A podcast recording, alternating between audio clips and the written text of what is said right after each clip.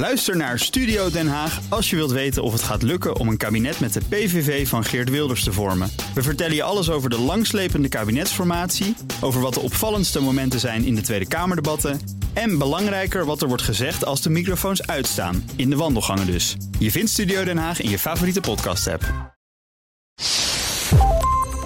Houston, contact with a test one. Touchdown confirmed.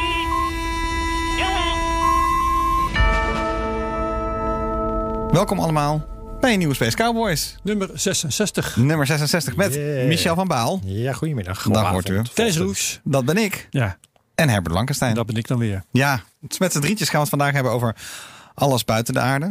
Dan, I guess. Wat er op Nou, de niet aarde. alles, hoor. Niet alles. Nee, niet te veel. alles. Wat er Nee. op de aarde zoal gebeurde buiten de aarde, ik weet het niet. Eh, Mars gaan we het over hebben. SpaceX, de nieuwe NASA-baas. Ja, Oumuamua gaan we nog een keertje van stal halen. We gaan het gewoon nog een keer over Oumuamua hebben. Niet. Alt- Nee, niet lang, maar altijd leuk. Altijd leuk. En Michel? Ja, en ik wil het even over Comet Interceptor hebben. Alleen overwege een fantastische naam. En, Comet Interceptor. ehm, eh, en natuurlijk weten of jullie je sollicitatie al hebben inge- ingeleverd. Oh, voor, voor de maan. Mijn vrouw appte me zo net. Serieus. Is het vandaag, de laatste? Nee, de eerste. Het kan vanaf vandaag. De, Oh, het kan vanaf begin- vandaag. Ja, ik heb wel de eerste filmpjes langs zien komen, ja. Ja. Ik heb nog geen goede pitch om naar de maan te gaan. Nou, daar gaan we het daar nog even over hebben. Ja, ja, ja. ja. Ehm, even kijken. Eh, wat, wat mij het ver- meest vers in het geheugen ligt, is even SN11. Dat is de nieuwe Starship. Oh, ja. Eh, en daar kunnen we ook vrij kort over zijn, want boom. Ja, boom. Hij deed boom. We hebben allemaal niks gezien.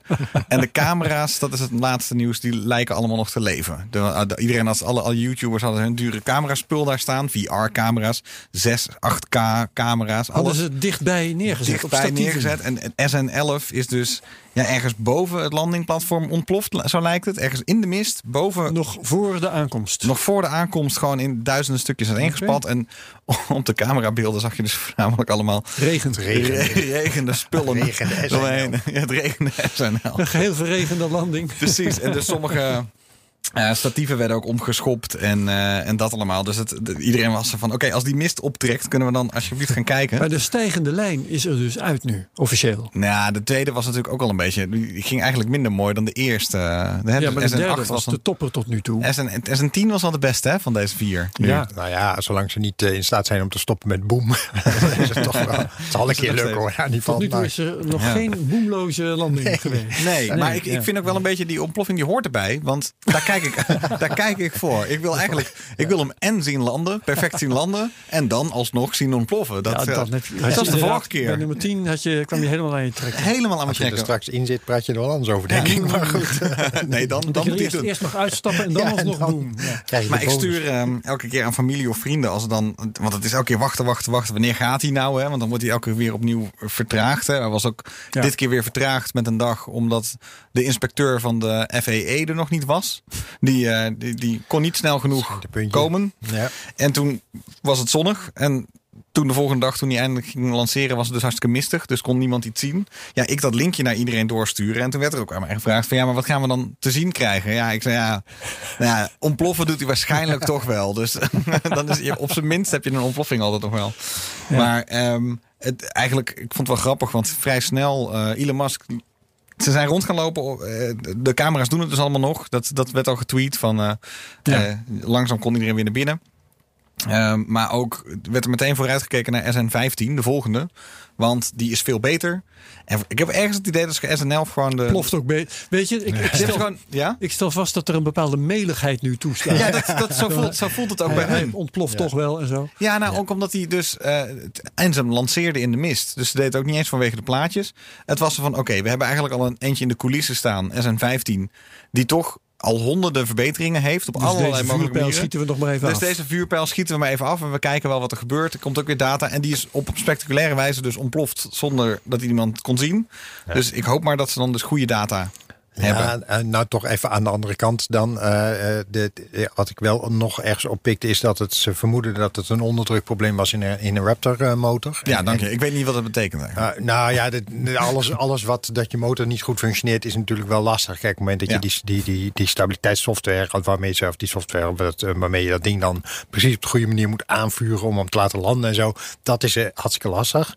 Maar als, als die gewoon ontploft omdat er echt zoiets in je, in je motor gebeurt, dat is toch niet zo heel fijn hoor. Nee, er is wel iets aan de hand. over de betrouwbaarheid. En dat, ja, het kost natuurlijk tijd, hè, weet je wel. Dat hoort allemaal bij. Hij zei erover, Elon Musk die tweette erover. Die zei van, nou ja, als dit dus blijkbaar een, eh, een, een, een probleem is dat in het design zit... dan, eh, dan kunnen we het misschien nog wel eh, retrofitten voor SN15. Maar hij had volgens mij ook ergens, klonk uit die tweet een beetje zo van...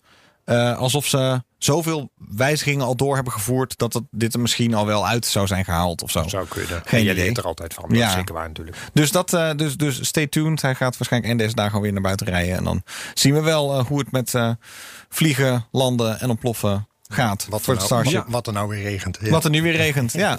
Dus dat was even de korte, de korte SpaceX, eh, SpaceX update. zo. En ik denk dat we vandaag gewoon lekker rondjes gaan lopen tussen wat iedereen al wat te vertellen heeft. Want Ja. Oumuamua, daar kunnen we gewoon even op verder vanwege Oké. de vorige keer.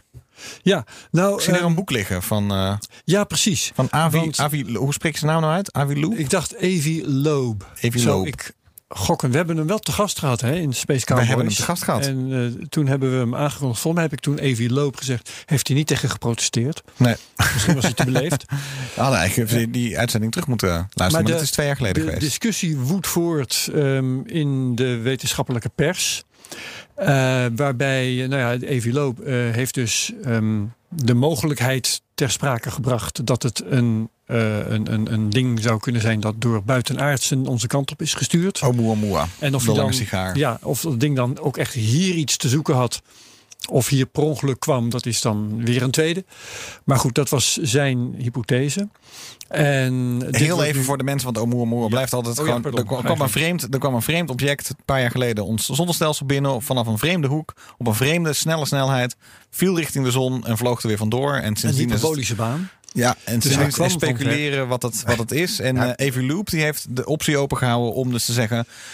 Maybe it's aliens. Ja, en een van de belangrijke gegevens die verklaard moeten worden, is dat hij toen hij eenmaal van de zon weg begon te bewegen, toen verloor hij minder snelheid dan eigenlijk volgens de zwaartekrachtwet had gemoeten. Hij verloor minder snelheid. Hij Juist, verloor ja. minder snelheid. Dus Dat het leek alsof hij door iets werd logisch. aangedreven. Wat zei je? Dat is Ja, logisch. dat is hartstikke logisch. Dat is logisch. Ja, eigenlijk wel. Nou ja, kijk, wat eh, eh, zo'n ding als hij dicht bij de, bij de zon kom- komt en hij wordt hij verhit, om, als het om een met zegt, dan ontstaat er, dan eh, ontverdampt er een deel van het materiaal wat erop zit, vermoedelijk water. Want ik begrijp, ik zit uiteraard gewoon op het scenario, eh, zeg maar, oortcloud object uit een, eh, uit een ver sterrenstelsel. Ehm, en eh, volgens mij, als dat, dat verdampt ook aan één kant.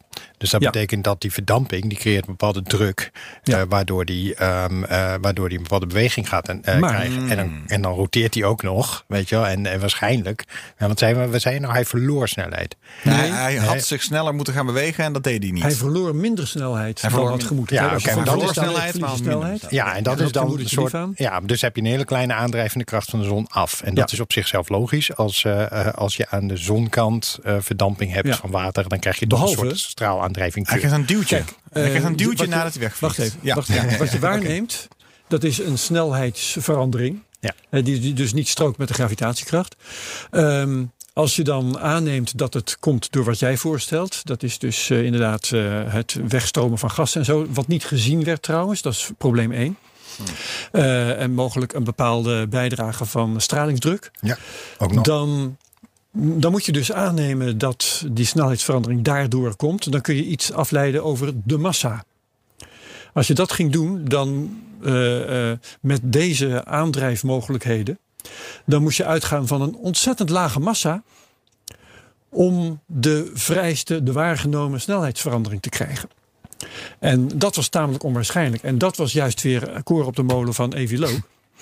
Want dat wees dan op bijvoorbeeld een holobject. Ja, Weet je wel? ja, Nou, ehm, ja. om een lang verhaal kort te maken. Nee, nee, nu, gaan we, nu zijn we aan het herhalen wat allemaal al besproken is. was Wat bij, nu maar nieuw? toch. Wat nu nieuw is, is dat ehm, eh, astronomen eh, van goede naam en faam, die hebben dit, en Ars Technica schrijft daar bijvoorbeeld over, die hebben eh, zitten rekenen en zijn tot de conclusie gekomen dat een, dat een scherf zou kunnen zijn van een uit, uiteengevallen planeet.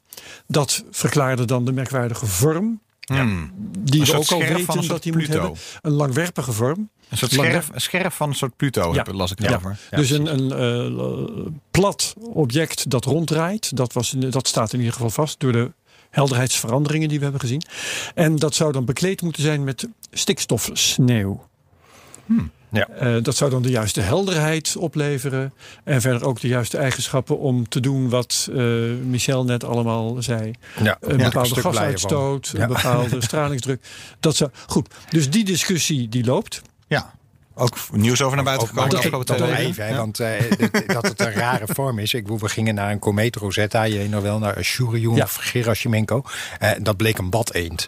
Weet je, dus, de- de- ja, sorry, weet jij, het universum maakt rare vormen. Weet je, Ja, dus ik, ja, om dan nou elke keer als we rare vormen zien te denken, oeh, aliens, weet je. Nee, nee, nee. Daar gaat het niet om. Ehm, wat, wat blijft trouwens, dat is dat eh, we dat ding niet met eigen ogen gezien hebben. Mhm. Het alleen maar een stipje dat een bepaald gedrag heeft qua helderheidsvariaties. En Evi Loop die komt met een verklaring eh, die met een andere verklaring op zichzelf niet ontzenuwd wordt. Er zijn nu dus alleen twee concurrerende verklaringen waarvan je alleen kunt zeggen de een is meer plausibel dan de ander.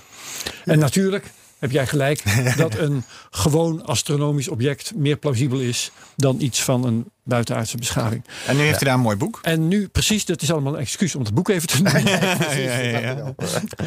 Want Evie Loop, Evie Loop heeft een boek uit dat in het Engels Extraterrestrial heet. En het is ook uit in de Nederlandse vertaling. Verschenen bij Prometheus op maandag 15 maart. Oh, En dat heet. Buitenaards. Het eerste teken van leven van een buitenaardse beschaving. vraagteken?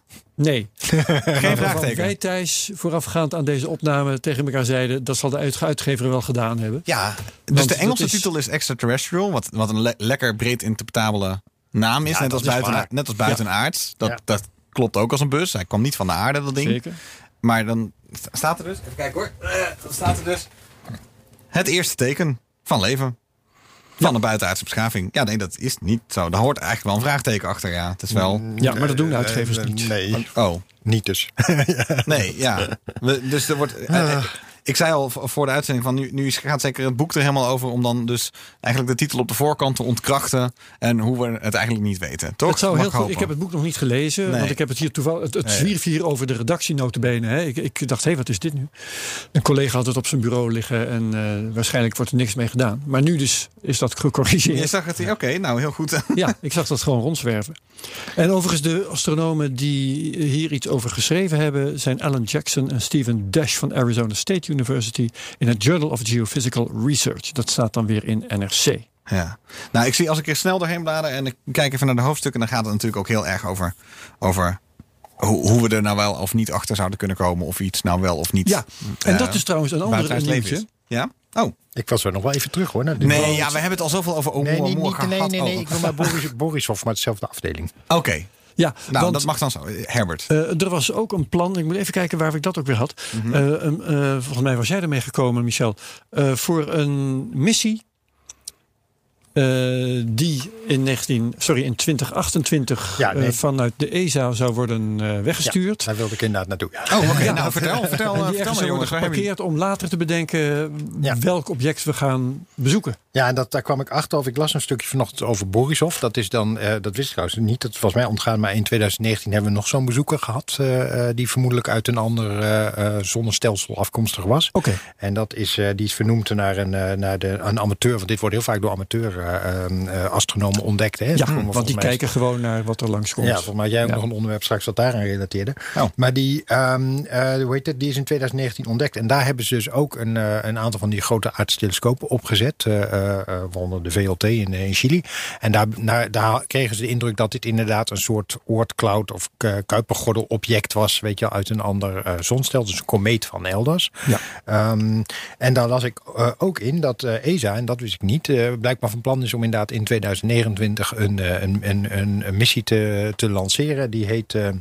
Uh, Comet, Comet Interceptor. Interceptor. Het, is ja. zijn, uh, ja, het is de, de trekkers zijn Engels. Dat, uh, ik moest ook meteen aan, de, aan een automerk bedenken dat ook een, uh, een, datzelfde fameuze titel gebruikte. Mm -hmm. zal geen toeval zijn. Maar die Comet Interceptor die, die moet inderdaad naar zo'n Lagrange punt. Daar hebben we het ook wel vaak over gehad. Zo'n vast ja, punt tussen. L2. Ja, L2. Dat is achter de aarde gezien vanaf de zon. Eigenlijk achter de aarde. En het is best een bijzonder project. Omdat je dan doet. Dus je hangt daar een satelliet neer. Waarvan je eigenlijk nog helemaal niet weet wat hij gaat doen.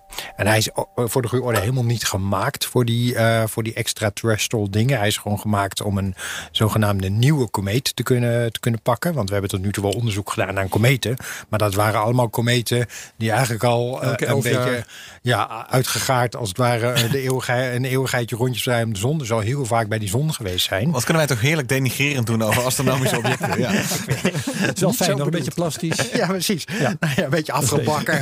Afgebakken, afgekoeld. Ja. Ja, en men wil dus heel graag een keer een nieuwe, weet je, een die nog niet eerder in, de buurt van de zon is geweest, Ja. te pakken krijgen. Maar ja, dan moet je dus klaarstaan eh, om eh, zo'n eh, zo'n komeet te, te, ja, te onderscheppen.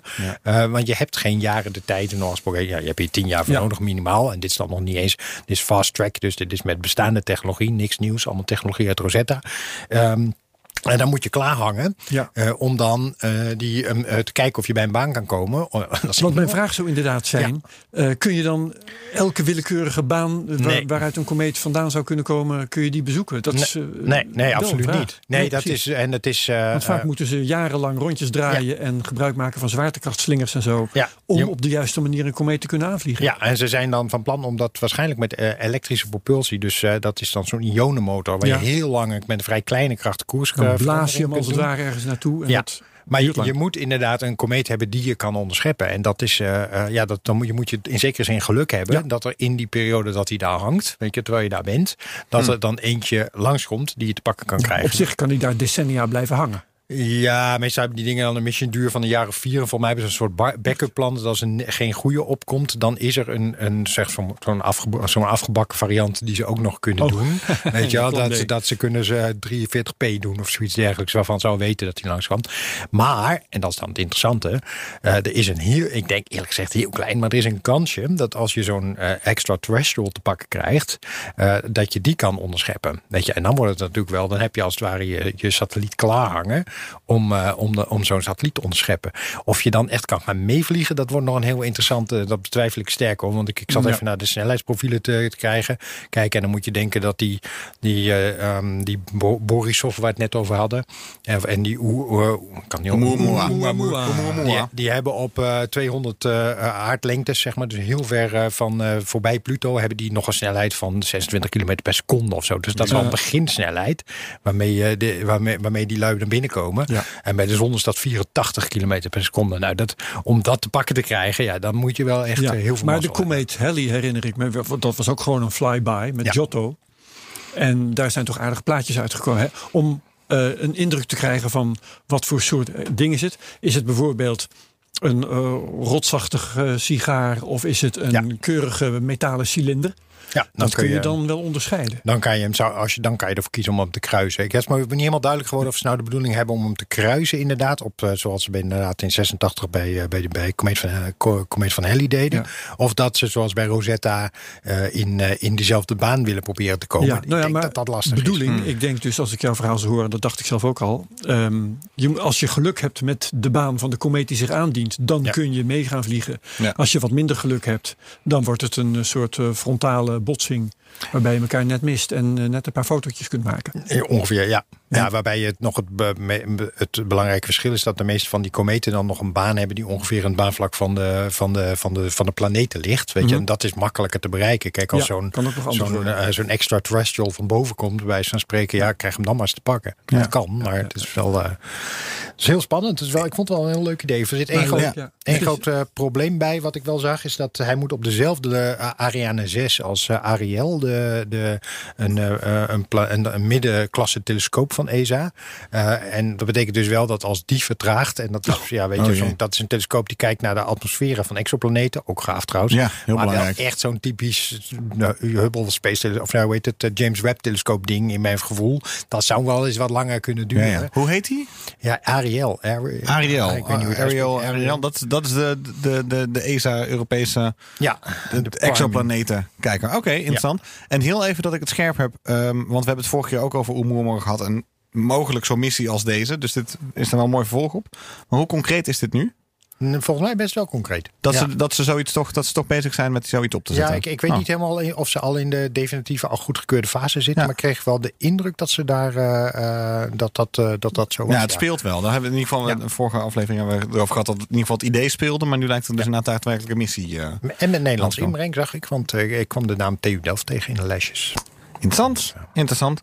Ehm, nou, ik weet niet of dit een mooi bruggetje is naar NASA, naar een nieuwe NASA-directeur, maar die is bij deze Ik gemaakt. zou niet weten maar bij deze, ik heb door zijn naam, door gewoon even te noemen. eh, Weet je wie kometen ook leuk Nee, weet vindt? je wie, weet je wie ik het ook leuk vind? Ehm, nou ja, er is een nieuwe, de nieuwe NASA-directeur onder Joe Biden is, eh, is eindelijk bekend. Eh, het wordt Bill Nelson. Bill Nelson is een... eh, ja, wat kunnen. Het, het- ik vond eigenlijk toen ik even ging researchen op deze man, want het was een beetje schouderophalend, werd er gereageerd op, eh, op eh, dit nieuws. En eh, eigenlijk het meest irritante aan deze man is dat er niet echt iets over hem op te merken valt. niet ten goede, niet ten kwade. Eh, ik kan wel een paar dingen over hem vertellen, dat ga ik zeker wel doen. Maar je kan nou niet echt lekker op hem haten. Je kan hem ook niet heel makkelijk de hemel in prijzen. Het is een beetje, het is zo'n typische, wat je je van Joe Biden ook wel kan voorstellen. Zo'n vriend van hem uit het congres. Zo'n democraat die altijd keurig heeft meegestemd met de grote ja, club. Ja, ja, een bureaucraat. Een bureaucraat die, die al sinds 1971, als ik het goed zeg, eh, al eh, eh, volksvertegenwoordiger is. Nog een klein beetje in het bestuur, wel links en rechts wat dingen heeft gedaan. 18 jaar lang senator is geweest. Gewoon kent de politiek, heeft prachtige witte ehm eh, tandpasta tanden. Altijd een lach op zijn gezicht, altijd gedragen. Ik heb gisteren een speech van hem zitten kijken. Het was prachtig. Op zich eh, zette hij uiteen hoe de Challenger was verongelukt. Het, ehm, de, de, de, de Space Shuttle. Op, op twee keer snelheid vond ik het nog langzaam. Het- Op twee keer snelheid was er eindelijk naar te luisteren. Maar goed, Bill Nelson wordt dus de nieuwe NASA-directeur. En ja, ehm, er valt niet heel duidelijk te, te, te maken eh, welke kant het nu op gaat. Hij, hij is, stel je een mening voor die een beetje in het midden is. En dat, dat heeft hij dan. Ehm, hij eh, is, eh, vindt NASA heel belangrijk. En de, de ontdekkingen die ze doen. En Ja, vooruit. met die Bridenstine is het ook heel erg meegevallen uiteindelijk. Hè? Met Biden is enorm meegevallen, ja. Ja, En dus- Bill Nelson is dan voor de privatisering, want daar is iedereen tegenwoordig voor. En ziet dan dus ook graag met veel genoegen uit naar, et cetera. Ehm, nee, Bridenstine had dus wat dat betreft eigenlijk meteen al iets meer kleur, omdat er, omdat er in ieder geval richting werd gegeven. Bill Nelson heeft sinds zijn benoeming ook nog niet van, echt van zich laten horen. Dus er is ook niet, we weten dat hij het gaat worden. Ehm, maar eh, eh, we weten nog niet wat dat gaat betekenen voor NASA. Klein beetje backstory over die Bill Nelson. Hij is namelijk een van de weinige congresleden die ooit in de ruimte is geweest. Oh? Dus dat is in, No. in principe een enorme veer in zijn hoed. Hoe dan? Hoe dan? Inderdaad. Nou, goed dat je het vraagt, Herbert.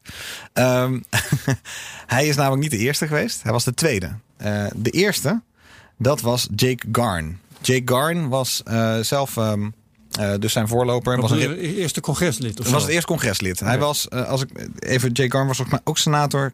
Ehm, soms wordt het een beetje in elkaar gehaald. Voor, volgens mij, hij was in ieder geval in het congres. En dat was in de jaren zeventig, werd even bedacht voor die Jake Garn, dus niet Bill Nelson, maar Jake Garn, werd bedacht, ja, het is eigenlijk wel goed als er zoveel geld van de belastingbetaler naar, eh, naar ruimtevaart gaat, dat er congressional oversight is. Dus dat iemand komt kijken of dat geld goed, goed, wordt uitgegeven. Maar hoe kan je nou in godsnaam kijken in de ruimte of het geld goed wordt uitgegeven? Ja, dan moet er toch wel iemand mee Werkbezoek. van het congres. Oh, die moet op mee op werkbezoek. Dat kan eigenlijk niet anders. Ja, dat kan niet anders. Die moet daar als eh, payload inspector moest die, eh, moest die, moest, moest die mee. Dat was Jake Garn en dat is, dat is dan blijkt dan uit de verhalen van astronauten later, ehm, werd dat al vrij snel een grapje. Want die Jake Garn die had eigenlijk niet genoeg training. Was wel een straaljagerpiloot geweest. Of daar geen straaljager, dan meer een soort bommenwerperachtig ding was het. Oh ja. Ehm, en eh, Dat eh, vliegt net zo slecht als een Space Shuttle, denk ik. Misschien wel. En die, eh, die, mocht dus, die mocht dus omhoog. Maar die Jake Garn, die werd, dat werd dus langzaam een begrip. Zo zegt eh ene Dr. Robert Stevenson. Die had het ook een, een van de astronauten. En die heeft het over hoe de astronaut Corps. Eh, later over die Jake Garn, die eerste Oh, er civiele. over verteld. Ja. Een beetje. Ja, ja. Um, Jake Garn, he was pretty sick. Pretty sick. I don't know whether we should tell stories like that, but anyway, Jake Garn. he's made a ma- he's made a mark in the astronaut corps because he represents the maximum level of space sickness that anyone can ever attain. So the mark of being totally sick and totally incompetent is one Garn. Most guys will maybe get to a one tenth of a Garn, if that high. Maar with the astronaut core, astronaut core, he will forever be remembered by that. Dus één Garn sinds die eerste, eh, dat is als je dus extreem, extreem ziek bent, dan heb je één Garn van sickness Dan kun je alleen nog maar eh, ergens hangen en overgeven. Precies. Dat- zo Is bestaat mijn- trouwens in, in Oost-Duitsland in de jaren 60 bestond het begrip 1 Jeen. Hè? De, de allereerste Duitse astronaut, eh, Oost-Duitse astronaut in de DDR was Sigmund Jeen. En die man die was zo populair in, eh, in eh, of in ieder geval werd zo gehyped door, de, door het regime, dat ze zoveel posters van die man hadden opge- opgehangen, dat afstanden werden uitgedrukt in, in Jeen. Dus het, het, het baanhoofd, dat is 3 Jeen. Aantal posters dat je Dat voorbij op moet. posters dat je ja. ja, heel goed. eh, Ehm, hij, hij, eh, eh, die Bill Nelson dus, die dus nu de nieuwe NASA-baas wordt. Die eh, in het kielzog daarvan, dus tien jaar later of zo, weer zo'n congressional eh, inspectie moest er gebeuren. En dit keer dan eh, van de Space Shuttle. Ehm, en hij ging op Columbia, Space Shuttle Columbia. En kwam. ehm, Is je goed weggekomen? nou, heel goed wegkomen. Want, ehm, nou, daar zo werd er ook nog wel op gereageerd. Hij heeft eh, plek ingenomen van sommige mensen die dus één, één shuttle later omhoog gingen. En één shuttle later, 16 dagen nadat hij aankwam, was dus de Challenger. Dus ehm, dat is hem. Ja, nou ja, hij, daar is hij, hij is altijd nog verbonden gebleven met die Challenger, omdat hij er zo dichtbij stond. Ja. Maar ja, ook omdat de beste man altijd een beetje. Hij heeft nooit het grote nieuws gehaald. Hij heeft nooit, misschien in Florida kennen mensen hem wel, maar daarbuiten eh, niet zo heel erg. Ehm, ja, het, het, het, het, straalt ook niet fantastisch op hem af. Dus hij heeft altijd wel heel erg gedragen zo over die Challenger eh, eh, gesproken. Maar hij was toch ook op een bepaalde manier er iets te direct, direct bij verbonden, Ja, om het zo maar te ja, zeggen. ja. Hij heeft er later nog wel een boek over geschreven. Daarin eh, zei hij voornamelijk dat hij het gevoel had dat de toenmalige eh, NASA-administrator te veel onder druk stond. En dat, hij- en, en dat was een techneut. Die was er, niet, was er niet eens bij die dag. Wat, ook, wat ik ook heel bizar vond. Ehm, en eh, verder heeft hij zich daar nooit heel scherp over uitgelaten of zo. Het, grappig genoeg is trouwens dat hij met eh, op die Shuttle Columbia zat hij samen met ehm, Bolden. Hoe heette die? Charles Bolden, de vorige NASA-administrator. Dus die Nou. ene missie die brengt nu twee eh, NASA-administrators voort. Dat is ook nog wel, ook nog wel interessant. Vraag is- de vraag is natuurlijk ook wel hoeveel, hoeveel macht heeft de NASA-administrator eigenlijk. Hè? Dat, eh, Ja, en nu ook zeker met dit. Dat is, nou ja, ik, je, je zou kunnen zeggen, hij kan wel kleur aan de, aan de richting geven. Om, het zo maar te zeggen, of de boel bij elkaar houden. Of je kan wel je stempel Inspireren. inspireren. Ja, maar dat gaat deze, cliché te gebruiken. denk ik, niet doen. Alles loopt zoals het loopt. Eh, hij is een zuiver politieke keuze. Een oud, oud maatje van Biden. En eh, gewoon, hij was altijd in het congres. Als je nou, als je nou een beetje moet voorstellen, in het congres was hij dan altijd. Oh, als je het over ruimtevaartdingen, als je over de ruimte een vraag hebt, ga maar naar Bill. Weet je wel, want die is in de ruimte geweest, die weet alles van het programma, kent iedereen bij NASA. Dus dat was altijd voor de congresleden. Altijd een beetje zo. Een van hun die daar onderdeel van was geweest. En dus daarom een hele logische keuze voor. Um, voor Biden om dat te doen, maar ook een totaal ongeïnspireerde. Dus, Dus de dus- tijd in eh, Nederland een eh, gevleugelde uitdrukking geweest. Hè? Je moet er geweest zijn om erover te kunnen oordelen. Nou ja, in de ruimte. Bijvoorbeeld Ja. daar. Maar, maar ook in verre landen voordat Ja, je ja, ja, een grote nee. mond opzet. Ja, een beetje, beetje, beetje eens wel. Maar ja, voor de ruimte is dat zo lastig, hè? Het is zo lastig. Inderdaad. Uiteindelijk, eh, die Bill Nelson is trouwens weggestemd eh, met een heel nipt verschil. 10.000 stemmen maar, eh, een paar jaar geleden. Als congreslid. Als congreslid. Dus hij, was, hij was senator af. Hij, zo- hij zocht ook een baantje nog dus. Dus dat eh, komt wat dat betreft komt Dat goed uit. Regelen. Ja, nou, Rick Scott, eh, die was de, was de gouverneur van, ehm, van Florida. Die heeft hem verslagen. Al- Als, dus die zit nu als senator van, eh, van Florida. En die Rick Scott is een totale flapdrol. Een ontzettende Trumper. En voornamelijk altijd beleid. Dan, ja, die Rick Scott kwam altijd omhoog vanwege... Als wij weer een van de verhalen aan het maken waren met RTL bijvoorbeeld in, in, Florida van iets absurds, dan zat die Rick Scott erachter. Want die, dat is een zuiver politiek dier. Dat de werkelijkheid boeit die man niet zoveel. En eh, nou, die heeft Bill Nelson van de troon gestoten. Hè? Dus Bill Nelson. Wordt het nu? Nou, met dit optimistische, vooruitstrevende, vooruitkijkende verhaal. ik heb nog, ik heb nog wel De een, toekomst eh, van NASA. Ik Ja. heb nog wel een NASA-directeur anekdote als ik maar. Tuurlijk, eh, als tuurlijk. je- en, en die eh, moeten we even terug in de tijd in de jaren 80, volgens mij 1983. Toen mijn, eh, ik, jullie weten, ik was ooit de persvoorlichter van Estek en ik werkte voor de roemruchte Heidi Graaf. Ja. ja, ja, Maar bekend. daar heb ik ook nog wel maar die ga ik hier niet vertellen. ja, nee, zat heb ik andere. Gaat er niet om. Toen, toen, toen, Heidi, toen Heidi nog een jong Heidietje was, zeg maar, was ze op een gegeven eh, in, eh, op de grote eh, luchtruimvaartshow in Parijs, Le Bourget. Dat is de grote ruimtevaartshow. Dat was zijn naam is ESA. Ik ben ook wel eens geweest dat je daar werkt. Niet heel spannend. En op een gegeven moment, zijn trouwens ook al in die tijd waren er heel veel bochels. En die waren in de jaren tachtig waarschijnlijk ook al. Dus zij stond met haar gebruikelijke glas champagne om zich heen te kijken. Zag een wat eenzame man en stapte er eens op af. Weet je wel. En ze bond een praatje aan. En had een hele gezellige kletspraat met die meneer. En vroeg op een gegeven moment, wie ben u eigenlijk? Toen zei hij, ja, ik ben de nieuwe NASA-directeur. maar daar zei zij, geloof ik niet. en toen, toen sprak ze, heeft ze de woorden gesproken, nou, bewijs het dan maar. Dus uh, dat was in 1983 de eerste keer dat Special Enterprise in Europa was. Die was uh, toen op zo'n, uh, hoe heet het, op zo'n Boeing, Boeing, zeg maar, ja. naar, naar, naar Frankrijk gevlogen. Oh. Dus, toen zei hij, nou, als je wil bewijzen dat je het NASA-directeur krijgt, dan moet die Boeing, of die met, die, met Enterprise erop, volgende week als hij teruggaat, over de kust van Noordwijk, naar Engeland. 1983, zoek maar op. Wat kwam er langs de kust van Noordwijk? Serieus? ja, ja, serieus. Is die special zij, heeft daar, zij heeft toen de PEC geregeld dat Nederland bezoek kreeg in 1983 van de Special Enterprise. Geweldig. Wat super gaaf. Van. Ik zal het in de Heidi zetten. Graaf. Heidi Graaf. Ik ken haar niet. Graaf. Legendarisch. Die was echt jarenlang, misschien wel tientallen jaren lang, de persvoorlichter van uh, Estek. Van Estek. Kijk eens. Ja. Leuk. Nou. Ja, en, en, en, ja weet je wie er nog meer heel erg lang iets met ruimte deed? Nou, ik. Herbert Blankenstein. ja. ja, precies. En uh, ik wil het wel weer even hebben over Perseverance. Ja, dank je. Ja, ja laten we daarheen gaan. Want en jij hebt dat onder de knop. Ja, ik heb het ook um, onder de knop. Wat, wat uh, in de openbaarheid verscheen onlangs. En het is eigenlijk al wel weer. Dat was kort na de, onze vorige aflevering volgens mij. Ja, er gebeurt elke keer vrij veel. Hè? Dus 18 weten, maart. Ja. Dus het is 13 dagen geleden alweer.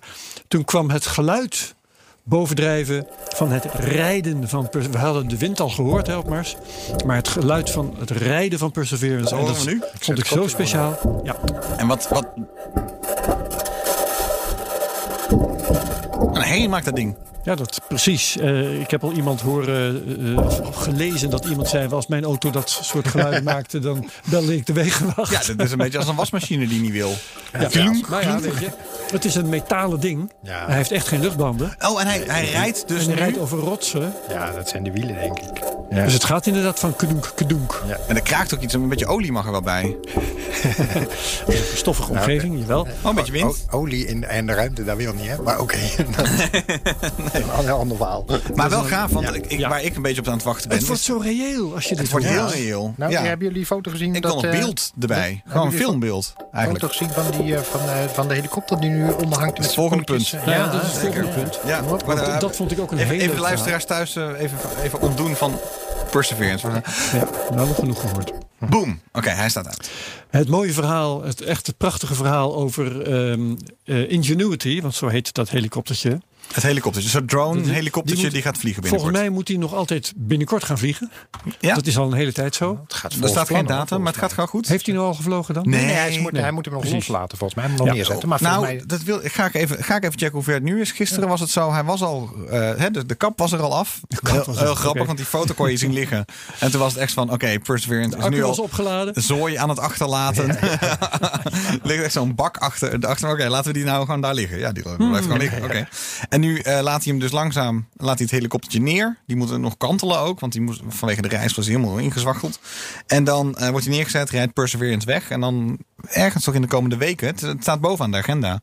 Um, eerst gaat hij vliegen en dan gaat Perseverance pas uh, echt rijden. Dus, uh, maar nu het detail, want uh, ja. hij vliegt dus nog altijd niet. Er is nog altijd niks over te vertellen. Nee. Maar ik weet niet of jullie dit wisten. Hmm. Um, ergens aan het, uh, het lijf van dat helikoptertje getaped. Getaped, heb ik gelezen. Ja, kan.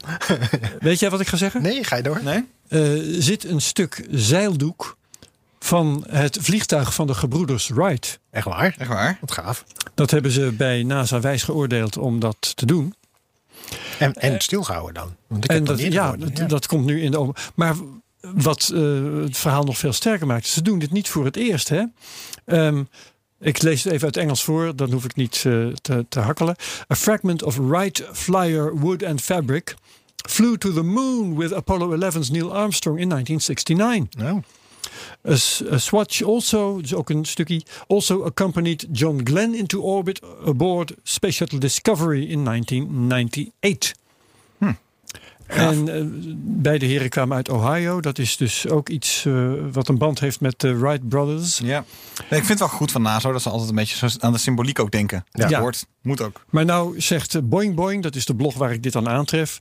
eh, laten we wel even vooruitdenken. Als we op deze manier eh, stukken van dat vliegtuig blijven wegsturen. Dan hebben we straks niks meer over bij onze bemande vlucht naar Pluto. En dan eh, staan we wel mooi voor paal. Ja, kleine stukjes eraf knippen. Precies, je moet wel een beetje zuinig zijn. Dus dat is wat mij betreft het, best, eh, onderwerp. Volgens mij best een groot vliegtuig, dus voor mij kunnen we wel even voort. Ja, dat, eh, Maar je wilt toch ook dat vliegtuig een beetje in one piece houden, zou ik zeggen. zijn, ja. Ja, tot zover Mars. Nou, heel goed. En, en nou, ik wil heel even. Ik ben even eens kijken. Ze zijn echt bezig met de helikopter nu In gereedheid te in brengen. gereedheid te brengen. Maar ik. Vlieg lijkt- klaar te maken. Vlieg klaar. Het lijkt alsof hij al zo, eh, al zo dichtbij is. Maar ik zie dat de foto's ook. ook voordat er een foto uitkomt en dan een nieuwsartikel over wordt verschijnt, duurt even. Dus. Dit, het- we, we zitten met ongeveer 24 uur vertraging. Dus houd het weer in de gaten. En dan eh, over een paar weken gaat hij vliegen. Maar volgens mij is dit allemaal nog volgens plan hoor. Ja, Want, gaat eh, allemaal volgens plan. Ja. Dus Ja, in die en- zin en- gaat het wel soepel. Heb ik En het de, en de beelden die van Perseverance afkomen zijn ook te gek. En je kan het al in VR, kan je al op Mars op die plek staan. Ze hebben al een prachtige hoge resolutie 360 graden bubbelfoto gemaakt. Dus dat, ik vind het heel tof. Ook vooral als je dan dat ziet.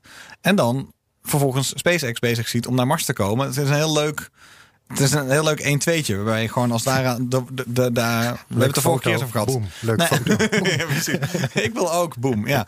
Eh, Je dat- bedoelt, we zijn er eigenlijk al. We zijn er eigenlijk al, maar heel erg- de mensen daarheen. Ja, nou ja je, je ziet dat de, de, de, de ontdekkingen die worden nog steeds gedaan. Een beetje op de ouderwetse manier, waar we het vorige keer ook eens een keer over hebben gehad. Van het voelt nog alsof Nou ja, dat nog een beetje de oude. Perseverance heeft Is- nog niet één ontdekking gedaan. Hè? Nee, precies. Maar dus het, Het, het- nieuws is dat het ding er staat. En dat de- ik denk tot nu toe is van Perseverance de, het, tot, het beste wat het tot nu toe heeft voortgebracht is hele hoge resolutie plaatjes. Ja. Dat is toch tot nu toe nog dan de helikopter en geen dan eh, eh, nieuwe kennis opleveren. Dus het nieuws Nee. gaat vooral over het ding zelf. over het ding zelf en, en, en hoe mooi Mars eruit ziet in 4K. Ja, Dat is dan- maar die nieuwe, die, het is ook wel de harde realiteit natuurlijk dat in de nieuwe kennis van ruimtemissies meestal echt 10, 15 jaar later, na, nadat In de die- wetenschappelijke inderdaad, Ja, is dan waar, pas weer loskomt, weet je. Dus, Ja. dus ik, ik, je komt af en toe wetenschappelijke publicaties tegen over, vanuit data die ruimtemissies hebben verzameld, wat eigenlijk al 10, 15, 20 jaar geleden was, Ja, weet je. Dus het blijft, die data blijft vaak wel heel lang, zeg maar, nieuwe inzichten geven. Ja. Ja. Dus dat komt wel.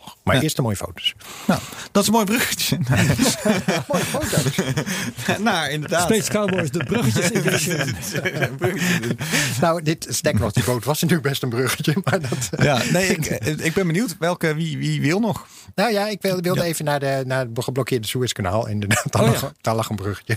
Dat, Oh ja. je komt van de ene kant. Oh ja, naar foto's. Ja, nou, wat je allemaal met mooie foto's in de ruimte kan doen. Dat, ja, het viel me namelijk op de afgelopen tijd op Twitter. Weet je, ja, dat, dat ding lag daar natuurlijk in zekere zin ook wel fotogeniek te wezen. Eh. En eh, je, eh, het, ik verbaasde me eigenlijk ook over hoeveel aardobservatiefoto's ik vanuit de ruimte van dat ding heb gezien.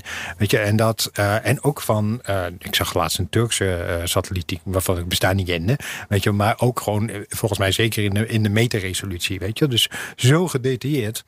Eh, dat we die, eh, eh, dat je, nou, je zag eigenlijk van, van ik, van- misschien wel van tien satellieten heb ik. eh, eh, alle kleuren, alle hoeken, alle, ja. Ja, en dat is op zichzelf namelijk best bijzonder. Hè? Want je, kan, je, je zegt van, nou ja, weet je, we hebben natuurlijk altijd een beetje een beeld van, ehm, eh, van dit soort technologie. Zoals je ze in James Bond ziet. eh, weet je wel, dus je, je logt even in het computersysteem en dan bestel je de, de satelliet Ja. die dan even kijkt dat er een En dat is. was altijd onzin. Ja, dat is, nou, dat is Dus nog. Dat nog can you enhance that? ja, ja, precies. En dan zie je video. Nou ja, nee, dat is, dat is overigens video, nog steeds onzin.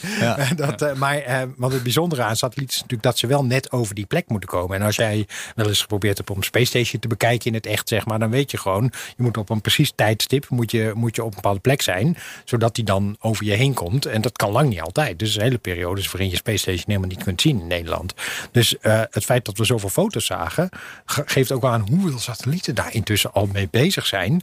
Die eigenlijk, eigenlijk allemaal beschikbaar zijn. Om, nee, ik heb Ja. geen radar gezien. Weet je, het was, door, nou, was daar niet veel bevolking, dat hielp. Maar, maar met name die optische, die waren zo scherp. Heel goed. En, je, Ja. en je, wat jij volgens mij tweette, of je zei het nog, van je kan heel goed het verschil in kwaliteit tussen de verschillende zien. Ja. Want sommige, ja, die brachten, brachten dat schip eh, volledig in beeld. Een andere toch net iets verder of net iets eh, minder mooi. Of inderdaad, die radar was inderdaad een soort zwart-wit. eh, Ja, en je kunt, ding. maar je kon op de gedetailleerdste kon je met gemak kon je gewoon de, die, die, de letters lezen. Weet je, die op die boot Ja, staan. bizar hè? Ja, weet je, dat, vet. en, het, en maar dan moet je ook nog even bedenken, weet je, dit is dan het, civiel, het civiele niveau waar je zit. Dat zit op meterniveau. Daar is ook nog zoiets als militaire technologie.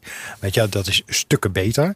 En dat niet meer hoe goed dat je ziet af en toe wel van die satellietfoto's. Hè, dat, ze, dat ze een satellietfoto van een of andere kamp eh, van de vijand eh, bekendmaken. Dat is nooit de resolutie die de satelliet echt heeft. Hè?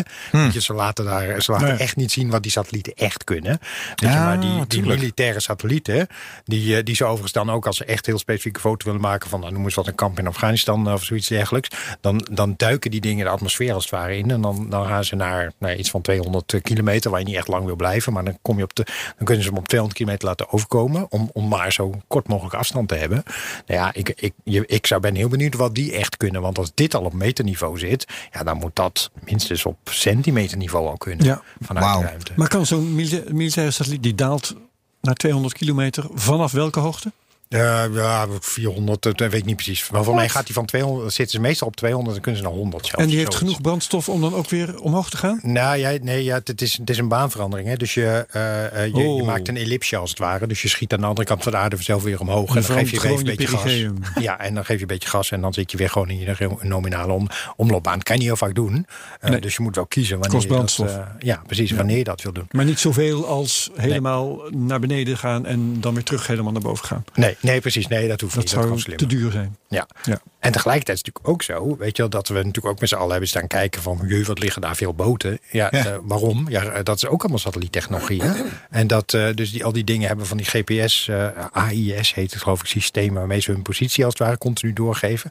En dat schijnt een van de, zeg maar, meest bekende toepassingen ook van, van die zwermsatellieten. Weet je, kleine satellietzwermen die, die al die informatie van die boten de hele tijd ophalen. Zodat wij ook precies kunnen zien waar liggen al die dingen en wanneer vaart die weg. Weet je, eh, dat allemaal eh, eh, satelliettechnologie. is toch mooi, hè? Ja, wauw. Ja, nee, ik vind het ook echt. eh, doen al die bedrijven dit nu dan om zichzelf even in de kijker te spelen? Nee, nee, dit is gewoon eh, dat, die ja, eh loc locatietechnologie. Oh ja, die, trouwens, Die foto's. Die foto's wel, ja. Ik Ja. denk dat dat ook een- even laten zien. Een PR-dingetje. Ja. Ja, wat ik wel weer jammer vind, is weet, dan de enige satelliettechnologie die ik niet heb gezien en graag had gezien, Oh. is dat, dat de Boskalis natuurlijk eh, ook best eh, een, eh, een livestream op die sleepboot had kunnen zetten. Ja, stom, hè? ik bedoel, als ik dat met een zonnewagen vanuit Australië kan, dan moet Boskalis dat ook met een sleepboot kunnen. Waarom, waarom was daar geen livestream van? Ja, waarschijnlijk vanwege aansprakelijkheid en weet je, niet allerlei juridische redenen. Ja, dat gaat natuurlijk om veel geld, maar dat vond ik dan wel weer jammer. Maar voor de rest was het een mooi eigenlijk display van ruimtevaarttechnologie. Ja, ja, absoluut. Ja, aardobservatie. Ja. Nou, En telecom. dat is Heb jij nog al Thijs? Eh, nee. Ik, had, ik had Mars, eh, Nelson en eh, SpaceX. Ja, wat ik nog heb, dat is, ehm, en dat is, het zijn er twee die ik in één verpakking kan stoppen. Ehm, er was ehm, een stuk in de Volkskrant, vond ik wel leuk, over Elsa D. Zaterdag staat de lancering, maar die moet intussen geweest zijn, want het was een stuk van 19 maart. De ruimtesonde die afval uit de ruimte weg moet halen. Ja, wat was dat voor verhaal? Iets van afval Nou ja, weghalen. Dat is zo'n beetje eh, een, een, een satelliet met een dochtersatelliet. eh, die de bedoeling heeft om ehm, een andere satelliet die niet meer in gebruik is, eh, uit zijn baan te halen. Mhm. En een beetje af te remmen en dan in de atmosfeer te dumpen. Als demonstratie van het opruimen van space debris, van ruimtepuin. Ja, dat speelt al een tijdje. En Maar ik vind dat op zich wel. Wat, hè? Maar die volgens mij zijn, neemt hij zijn eigen de, de tweede satelliet mee, toch? Ik bedoel, de, de- die, Ja. dus er bestaat uit twee delen en dat ene deel dat speelt voor eh afvalsatelliet. Ja. Dat, eh, ja, precies. Precies. ik het ook. En ehm, ik vind dat wel leuk. Ik kan me alleen niet voorstellen dat het zo aan de dijk zet. Nee. Want ehm, ja, die grote dingen, die, hè, complete in onbruik geraakte satellieten, die zijn eigenlijk het probleem niet. Hooguit kunnen die het probleem verergeren door tegen elkaar op te knallen. Dus het, hel- het helpt wel. Maar het grote probleem zijn natuurlijk de tienduizenden, honderdduizenden eh, kleine fragmenten en de miljoenen verfschilfers. En dat soort eh, gruis. En eh, dat ga je op deze manier echt niet wegkrijgen. Dus ik ben heel sceptisch over deze technologie, dit, dit soort proefnemingen, als werkelijk helpend middel tegen ruimte ruis. Ja, wat, wat, wat is het überhaupt? Ja, ik ben. ik- ik- Michel, daar moet je uitgebreid over gaan hebben. maar Ik probeer iets over die, over die missie te vinden. Wat is dit voor missie, joh? Hij is dit ik. is een eh, Japans eh, Japans. Oké, ja, want ik zie wel een Ja. webinar daarover van een week geleden. Maar ik zie dus niet de gelanceerd lancering. vanuit Kazachstan. Hij is gelanceerd, 23 maart, zegt hij. Ja. Maar ik zie er geen plaatjes van. Terwijl ze wel rond die tijd een webstream hebben gehad. Maar dat, dat is heel apart. Michel, wat wil jij over zeggen? Nou ja, ik, ik, ik, ik, ik, hij deelde het- de sceptisch van, eh, van hebben het wel een beetje maar ook weer niet helemaal. Weet je, in de zin van, ehm, eh, je hebt natuurlijk wel gelijk, weet je, dat, eh, dat het grote probleem zijn. Al die kleine, eh, al die kleine, nou ja, gruise die rotzooi die, niet er zit. kunt tracken ook. Ja, nou ja, nog heel veel wel, hè? Tot, Mm, tot, tot 10 een centimeter paar jaar, ja, nog wel iets minder, zeg maar. Ja. Die kun je, kun je, die hebben er iets van, wat is het, in de tienduizenden hebben ze er in een database die ze ook tracken. En als Space Station dan te dicht bij zo'n object komt, weet je wel, dan, dan gaat hij aan de kant. En inderdaad, ja. dan is 10 centimeter is, is dan de, de grens waarop ze eh, zeg maar. Waarop ze zeggen van, oké, nou moeten we heel even bijsturen om iets verder, iets meer afstand te houden. Ehm 1 centimeter is ongeveer het niveau waar het geen kwaad kan. In de zin van, eh, ja, nou ja, het kan wel schade aanrichten, maar niet echt eh, bedreigend voor de missie. Het gevaar zit hem in, die, in de range van 1 tot 5. Weet je wel? dat, dat is volgens mij het gebied waar het wel gevaarlijk is, waar, en maar wat je niet goed kan tracken. Dus, daar, dus het is wel een serieus probleem, daar heb je helemaal gelijk in. Alleen, eh, hoe heet het, je wil er wel voor zorgen dat die grote satellieten niet door botsingen met dat kleine gut, zeg maar, ook weer uit elkaar vallen. Ja. En, en, en weer een hele nieuwe bak ellende veroorzaken. Dus dit is vooral nuttig, denk ik, voor satellieten die op een of andere manier onbedoeld op een gegeven moment de geest geven. Eh, dat je zegt van nou oké, nu zitten ze zitten in een, in een lastig gebied dicht bij de aarde, low, low Earth orbit, waar ze niet wil hebben. En die gaan opruimen voordat. eh, Ja, maar dan stel ik toch nog de vraag, als je daar speciaal iets voor moet lanceren, hoeveel kost dat dan wel niet per satelliet? Ja, dus, maar je zou het eigenlijk zo moeten regelen dat satellieten in principe zichzelf opruimen. Dat is tegenwoordig ook wel Ja. de norm. Hè? Dat aan het eind Ja. van je levensduur, zeker als je laag zit, aan het eind van de levensduur moet je de laatste beetje brandstof gebruiken om eh, eh, af te dalen. naar een veilige of, of naar de atmosfeer, of juist omhoog hè, vanuit eh, geostationary. Ja, bij geostationary is al iets ander probleem. En dan moet je inderdaad naar de, de graveyard orbit, zoals dat heet. De kerkhofbaan die daarboven zit. Maar met name dat klein, dat, die lage banen. Ja, als een, als, het kan nuttig zijn voor satellieten die dus een failure krijgen. Dus als die kapot gaan en je bent de besturing kwijt. En je zegt, ja, maar we willen ze daar, eh, daar wil ik niet een- een ring ellende door deze satelliet. Voor, voor die specifieke gevallen kan dit wel zinvol zijn. Ja, oké. Maar dan, de, eh, dan blijft het kleinschalig. Ja. Want dan heb je het over hele speciale gevallen. Ja, je gaat niet die 20, eh, die 10, 60, 100.000 objecten opruimen die, eh, die daar nu hangen. Nee, en dat soort informatie mis ik nog wel eens in, in dit soort eh, artikelen, dit soort publicaties. Maar ja, daarom moeten mensen Space Cowboys luisteren. Ja, ik kan in ieder geval eh, bevestigen dat die gelanceerd is. En eh, de luisteraars eh, thuis, die, eh, die horen dat dan nu ook. En dan kan ik in dit kader, heb ik niet eens een bruggetje voor nodig, vind ik, nog melden dat SpaceX en NASA hebben afgesproken om data te gaan delen over wat er allemaal rondvliegt. Oh, Om- data over wat er gaat rond, Over- wat er rond vliegt aan de space debris. Ja, Zodat eh nou, de raketten al steeds kunnen die opruimen. nog functioneren. Die nog wel dus functioneren. de, ja. de, de satellieten van SpaceX, al die duizenden, tienduizenden dingen. Ehm, nou, en dat is vooral het probleem. NASA heeft natuurlijk wat minder, eh, een minder grote administratie. En het eh, heeft eh, onder andere te maken natuurlijk met de veiligheid van het eh, ISS, het Space Station. Maar dat, dat vind ik dan toch wel raar, want die, eh, die objecten worden, die, die 60.000 waar we net over gehad hebben, die worden getrekt door No- NORAD volgens mij. Ja. Eh, die, eh, en die hebben een vo- volkomen openbare database waar al die objecten in staan. Dus ja, dat zijn de dode objecten. Of zijn het, er- zitten er Nee, de zitten ook alle leven. Je krijgt een nummer eh, van ja. een NORAD-nummer als, jij, eh, als je iets lanceert. NASA en SpaceX, dat citeer ik nu van nu.nl, spreken onder meer af elkaar op de hoogte te houden van lanceringen en trajecten van ruimtevoertuigen, zodat die niet tegen elkaar aankomen. Ja.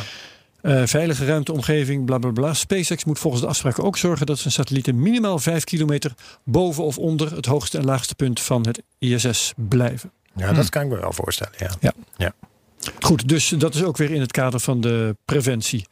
En het aantal satellieten, dat lees ik hier dan ook nog eventjes van SpaceX, eh, dat zou kunnen oplopen tot 42.000. Wauw. ja, maar dat vind je het gek met al die Starlings. Ja. Nee, dat Die had die vind ik al lang niet gek meer. Maar het precieze getal wist ik Ja. even niet uit mijn hoofd. Dat staat hier. Ja, nee, maar dan, dan is het denk ik, ik denk het, dan lees ik het meer in de perspectief dat je afspraken maakt over in, welke banen je al dat soort netwerken dan precies gaat zetten. Mhm. Weet je wel, want daar kan je elkaar natuurlijk verschrikkelijk in de weg zitten. Dus van, eh, van eh, je, en, en een, paar honderd kilometer, of nou honderd niet, maar een paar kilometer eh, verschil kan al heel veel. eh, Nee, heel veel precies. En als je, als je je houdt aan inderdaad bepaalde gebieden, dan is, wordt een hele hoop tracking opeens onnodig. Ja. Omdat je eh, het gebied waar je zou moeten tracken helemaal niet betreedt. Nee, precies. Dus eh, leuk. Voorkomen is beter dan genezen. Dan heb ik nog een kort, kort, kort, kort nieuwtje. Ik zag dat eh, de nieuwe Dragon van eh, SpaceX, dat hij een, eh, een cupola bovenop de, op, bovenop de punt krijgt. Wat is dat? Ja, dus, dus die, die, spe- die capsule eh, eh, waar- waar, waar astronauten in moeten gaan zitten van SpaceX. Ja. Die in de punt, moet je je voorstellen. Hè? Dus gewoon in, in het puntje Kegeltje, ervan. ja, kegeltje. punt. Dat kegeltje kan openklappen. Ja. En dan is er een glazen bolletje. Een glazen Ja. bolletje waar je dus met je kop als astronaut in kan. En dan ben je dus omgeven door niks. Dan, dan zie je dus niks anders dan de ruimte. Een, eh, een 3D-patrijspoort. ja, precies. Ja, een 3D-patrijspoort. Dat lijkt me niet heel handig als je... 180 graden, Als hè, je, trouwens. als, je gaat, technisch. als je ermee wilt dokken, want daaronder zit namelijk bij, eh, als je naar Space Station gaat, zit onder die klep zit de dockingpoort. Ja, ik weet niet Dus doen. eh, als je, ik weet niet, als je daar je hoofd doorheen steekt, volgens mij zit je dan met je hoofd in de ruimte. Dus kijk, ik weet niet helemaal precies hoe ze dat dan voorstellen. Ja, een glazen bolletje erop dan. Blijkbaar, ik denk dat die dan ook kan meeklappen met... eh, Nou ja, of ze als, maken- als hij gaat dokken. Ik, ik denk dat ze misschien ook voor die, eh, voor die ruimtereizen met, met, met toeristen en dergelijke gewoon ook een variant hebben zonder dockingpoort. Want die dockingpoort heb je natuurlijk helemaal niet nodig als je niet gaat dokken. Oh ja, dat is alleen maar door je massa. En dan is het wel een leuk idee. Want ja, dan heb je inderdaad een eh, extra, extra ruimte waar je je hoofd... eh, Dus dan wordt het een hulpstuk dat je erop Ja. schroeft voor bepaalde vluchten. Ja. Ja, het, Wat gaat om de, het gaat om de Inspiration 4, eh, de Inspiration 4 missie. Welke is dit dan? Want da- daar moeten we het ook nog even over hebben. Over die. eh, Maar over- mag ik nog even één, Ja, tuurlijk. Kan solliciteren eigenlijk best om wel te is? gaan. Weet je, de- Oh ja. Nou ja, twee reden. Ten eerste denk ik dat, met dat dockingpoort lukt dat natuurlijk niet. Maar eh, eh, tweede is ook, weet je, en dat weet je misschien ook wel, dat bij, voor astronauten zijn er best wel strenge regels. eh, hoe vaak je je, je hoofd eh, naar buiten mag, of nou, niet letterlijk naar buiten, maar hoeveel, hoeveel je met je hoofd door het raam mag zitten. En met name op het moment dat je in de zon zit. Er zijn een paar iconische foto's van, eh, van astronauten in, eh, in, eh, in, in ruimstation in Meer. Heb je een hele mooie van, eh, van Meer, waar je zo'n astronaut voor het raam zit in de volle zon. Maar dat is echt heel erg slecht voor je. Weet je wel? En Oh, je ja. krijgt dan- Ogen of voor andere dingen? Nee, vanwege de straling die je krijgt. straling. Ja, ja, Weet je wel, ja. Dus, dus eh, even met in het zonnetje met je hoofd in een koepela. Dat is echt geen goed idee als je nog kinderen wil, eh, zeg maar. Dat- Wauw. nou, als je hem wil zien hier, dan stap ik even weg. En dan heb je in ieder geval een idee. Kijk, kijk even. Oh ja. Ja, ja, dat klein, is... klein bolletje bovenop het boven ding. En, dan is, en, en dit is dus voor die Inspiration 4 missie. Eh, dat is ook zo'n private missie. En dat is weer iets anders dan de Dear Moon missie, toch? Dus Ja. eh, eigenlijk komt, komt het Hij op neer lijkt- dat ik door de bomen van de Ja, privé mensen die omhoog gaan. Niet meer het- moeilijk. Maar, hij, ja, lijkt, oké. hij lijkt als het ware bovenop de dockingpoort te zitten. Dus dat je Ja. via de dockingpoort dan even... Ja, Ja, mijn, kan je mijn, dus mijn advies wel, doe dus niet in de directe zon, maar in de schaduw. Ja, precies. Ehm, maar die, er zijn dus een- meerdere ruimtemissies. Neem factor 2000 mee. eh. Neem factor 2000 mee, ja precies. Smeer je goed in. Eh, Er zijn meerdere ruimtemissies waarmee je dus als, als burger mee omhoog kan. Ja. En de, de Inspiration eh 4 is de first all-civilian mission to space. En Dear Moon is dan volgens mij dat je achter de maan. Dat is met die Japanse... eh, Wow, die, dat is een Japanse, ja. miljardair Ja, ja. Dus eh, deze is van Inspiration 4 is van Jared Isaacman. En die wil dus die koppelen. Dear Moon is van die Japanner, hoe heet hij ook Japaner. alweer? Ja, Ik zoek even zijn naam op. Ehm, en daarvoor is, kan je vanaf nu dus insturen, je, je sollicitatie insturen dat je naar de maan wil. Oh ja, dat was de sollicitatie. Ja. Oké, ja, ja, ja. En dat is het Dear Moon Project. Nou ja, je hebt er drie mogelijkheden. Hè. Je kan bij ESA, je kan bij dit. En je kan eh, geld geven aan dat kinderziekenhuis. En dan maak je kans op die, eh, op die eh, Inspiration 4 seat, volgens mij. Oh, oké. Dat, althans, dat is dat dezelfde is. Want ik heb, het, ik heb ze ook niet meer. Ja, dit is dus van Yusaku Masawa. Ja. Masawa, ja. ja Yusaku Masawa. En de vorige is van... Hoe noemde ik hem nou net? Ik noemde hem Jared Isaacman. Oké, duidelijk. Goed. Dat zijn dus de twee. eh, die ene die zit volgens mij al vol. Die van Dear Moon die zit nog niet vol. En dat is voornamelijk vanwege de kunst wordt het gedaan. Om veel meer mensen omhoog te nemen. Die eigenlijk op een, ja, je moet artiest zijn om op een, in je eigen manier dus verslag ervan te doen. Iedereen is artiest. Weet je wel, hè? Nou, mij heeft, die, heeft dat, eh, die, die Japaner dat veranderd hoor. Dat je nu, eh, dat was in eerste instantie wilde die inderdaad artiesten meenemen. Mhm. Maar eh, eh, dat is eh, vorige maand of zo is dat opengezet voor het algemeen publiek. Eh, ook volgens mij een beetje, maar daar hebben we het eerder over gehad. Vanuit de PR-druk dat het wel heel slecht is. Weet je, als, als je alleen maar miljardairs mogen stuurt. Dus, eh, dus zowel die eerste, eh, die eerste echte eh, ruimtevlucht met toeristen, zeg maar. en als de eerste, die, die, die vlucht achter de maan langs. Zijn, eh, zijn opengezet voor het algemeen publiek. Ja. Maar hoe kwamen jullie er nou bij dat het vanaf vandaag hier op kan geven? Want ik, ik, als, het, als ik mezelf goed begreep, was het juist. Toen kon je het tot, tot nu ongeveer opgeven. Als ik die ook zeg. Oké, dan moet ik even... Tot deze maand, het vanaf over 21 maart. Nee, ik heb het over, die, ik heb het over Dear Moon. Zie je? Oh. Er is echt verwarring ontstaan over welke, hoe, hoe, hoe, hoe je wel niet Het de lucht in kan. vandaag, we nemen dit op op 31 maart. Staat er bijvoorbeeld in het AD. Wie ast- astronaut wil worden, kan zich vanaf vandaag melden bij ESA. Dus dit heeft niks met Japanners te ESA. Oké, maken. dus dan hebben we nog, ook nog de ESA ESA-missie. zoekt nieuwe astronauten. Vooral vrouwen en mensen met een fysieke handicap worden uitgenodigd te solliciteren. Dus ze gaan voor de diversiteit. Zal ik maar Ja, dan zeggen. kom, dan kom, Ah, en dat is gewoon kom- als je astronaut wil worden. Oké, heel goed. Ja. Kom, kom je wel in, eh, in een andere categorie hoor. Dat, eh, het is niet zo dat, ehm, eh, hoe heet het, ze zoeken astronauten voor de vaste, de vaste ploeg astronauten die op missie gaan. Mhm. En, en daarnaast zoeken ze ook astronauten, heb ik be- begrepen, die zeg maar voor een soort reserveclub. En daar gelden ook mensen met een handicap. Maar als ze een mogelijkheid hebben om je een missie te geven, dan. Maar dat is net even. Het is, het is helaas zo. Astronaut B ben je dan. ja, het is, het is helaas. Het, het klinkt ietsje mooier dan het is, vrees ik. Oké. Maar jij maakt als Nederlander toch geen kans. Dus oh, ja. Nou ja, er, zijn, eh, er, er wordt al op gesolliciteerd. Of inderdaad vooral het is mooie profielen van twee vrouwen die, eh, die erop gesolliciteerd hebben. Ik krijg altijd straf als ik dat zeg van André Kuipers. Hè, want die maakte ook Wat? geen kans. En die werd ook astronaut. Ja, Dus, tuurlijk, Dus ja, vooral niet mij. Hè. Als Je je, moet het vooral doen. worden, doe het gewoon. dat, Je moet het vooral gewoon Ja. proberen. Ik denk dat ik zie, ik heb wel echt verschillende filmpjes die langskomen van mensen die ja werkelijk zo random om een, een random reden moeten verzinnen om dus de lucht in te kunnen. Dus iemand die dan heel mooi, ja, op zich een goede kunstenaar is, maar dan met van die handschoenen muziek maakt. Weet je ook, je kent van die magische handschoenen, kan je zo hoog houden. Oh. Dan laag dan oh. Beetje terminachtig. Ja, zo'n Theremin-achtig Ja. ding, maar dan dus met handschoenen. En ehm Imogen Heap, die act- act- actrice, die eh, gebruikt ze ook veel. Ja. die maakt dan een prachtig filmpje. De- de- Deze dame van waar ik het zag van ja, oké, stuur me met deze naar de maan. Dan ik denk ja, iedereen kan wel een kunstje. Ja, ik wil, ben benieuwd waar de, waar de se- selectie... Ja, ik, selectiecriteria. Ja, kan ook mooi filmen. Ja, ja, stuur me naar de maan. Ja, Ja, ja. Nou ja, waarom? Gewoon een camera erop richten. Ik zag dat Everyday As- Astronaut, die wilde wel. Die, wilde ook. ja, en ik heb echt, ja, maar die, die had zelf, dat was wel grappig, want die, YouTuber die begint hartstikke groot te worden. En had volgens mij zelf een beetje zoiets van, ja nee, natuurlijk wil ik wel, maar wil ik wel. Weet je wel, als van hij, eh, de- hij voelde de druk wel Mhm. Om te moeten solliciteren moet omdat hij ja, de celebrity is. Ja, Maar, durf je in die raket te maar had, hij er, had hij er eigenlijk wel zin in? Ja, maar hij heeft Ja. toch een filmpje opgenomen. Ja. Dus ik denk dat er, Had er zullen echt wel een paar celebrities mee Had ik niet een gezin nog ergens? Hij heeft geen gezin. Hij nee. heeft geen gezin. Nee, die jongen, die, even, even korte anekdote over deze jongen. Want die heeft dus geprobeerd eh, die SpaceX-lancering goed bij te wonen. Met zijn dure camera's en weet ik wat allemaal. Ja. Die jongen die woont ergens in Iowa volgens mij. En heeft dus nu in een huis daar een hele studio opgebouwd. In Florida. In Florida, bij Boca... Nee, in eh, Texas. Texas. Texas, Boca, Chica, ja. waar Ja, dus... st- hoe heet het? Starbase? Hoe heet SpaceX heeft het nu de Starbase genoemd volgens mij. Bij Boca Chica. Om daar dus een permanente locatie te hebben... zodat ze dus elke vlucht kunnen va- gaan vastleggen. Want zo deed Walter Cronkite het ook met de maanmissies... of met Dat zal Space... Apollo met zal space, het zal geweest Apollo zijn. geweest Ja, zijn? ja, Klinkt als Apollo. Ja, dat denk ik ook. Dus, en die was er dan elke keer bij om mee te maken van hoe, hoe het gaat. En dat wil hij dan ook nu doen.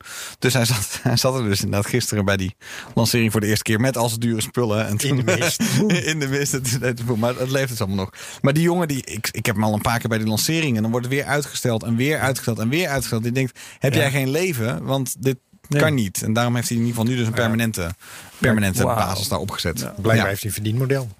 Dat hoop sowieso. ook, dat nee, ja, ik voor hem. ja, Ja, zijn, zijn. Patreon eh, lo- loopt als een trein. Die jongen die, die kreeg duizenden, eh, duizenden dollars per maand binnen om dit allemaal eh, te kunnen doen. Ik denk, het- het zal voor elke YouTuber zal het eh, creatief, creatief met financiën zijn. Maar hij is dan wel eentje. 400.000 volgers op Twitter. Over hem maak ik me niet het meeste zorgen, laat ik het zo zeggen. Ja. Goed. Nou, zijn we terug, toch weer terug bij Boom. Oh, zijn we terug bij Boom? We begonnen bij Boom en we eindigen bij Boom. Heel goed. Ehm, hebben we nog On- on- laatste... On that bombshell. En hoor nog ik laatste zeggen. bruggetjes te bouwen, want, eh, want anders dan, eh, dan, eh, dan, ben ik alles kwijt. Ik vind het heel grappig, want soms gebeurt er niks en soms gebeuren er heel veel kleine dingetjes. Dus sommige van onze uitzendingen, dan praten we lekker lang over één onderwerp. Maar nu is het ook weer even, we moesten veel. Er gebeurt ook veel. Dus het, eh, het- je moet, kan het bijna niet bijhouden op deze manier. Ja, het gaat niet minder worden hoor, denk ik. Leuk. Ja. Leuk ruimtevaart, jaar en dingen. Zeker. Ja, En we houden het in de gaten. we houden het in de gaten. Tot- Met dat. Tot de volgende keer allemaal. Ja. Op naar aflevering Iedereen bedankt. 67. Dankjewel. Joe.